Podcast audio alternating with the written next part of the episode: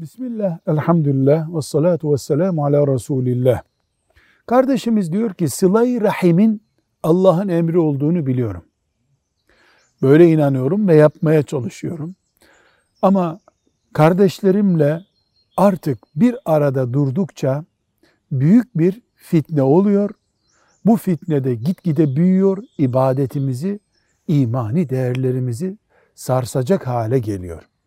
Bayramlarda babamızın, annemizin rızasını almak için sıla-i rahim maksadıyla gidiyoruz.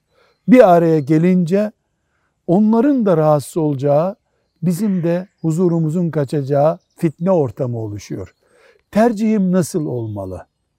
Sıla-i rahim emir, kardeşler arasında kavga, gürültü, fitne, fesat yasak. Diyoruz ki kendini haramlardan bir haramdan korumak, fitne, fesattan korumak, özellikle kardeş kavgası gibi bir şeyden korumak, sıla-i rahim emrini yerine getirmekten daha önemlidir. Dolayısıyla sen sıla-i rahimini onlardan önce veya onlardan sonraya aktar.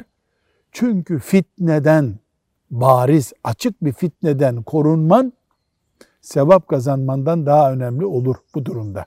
Velhamdülillahi Rabbil Alemin.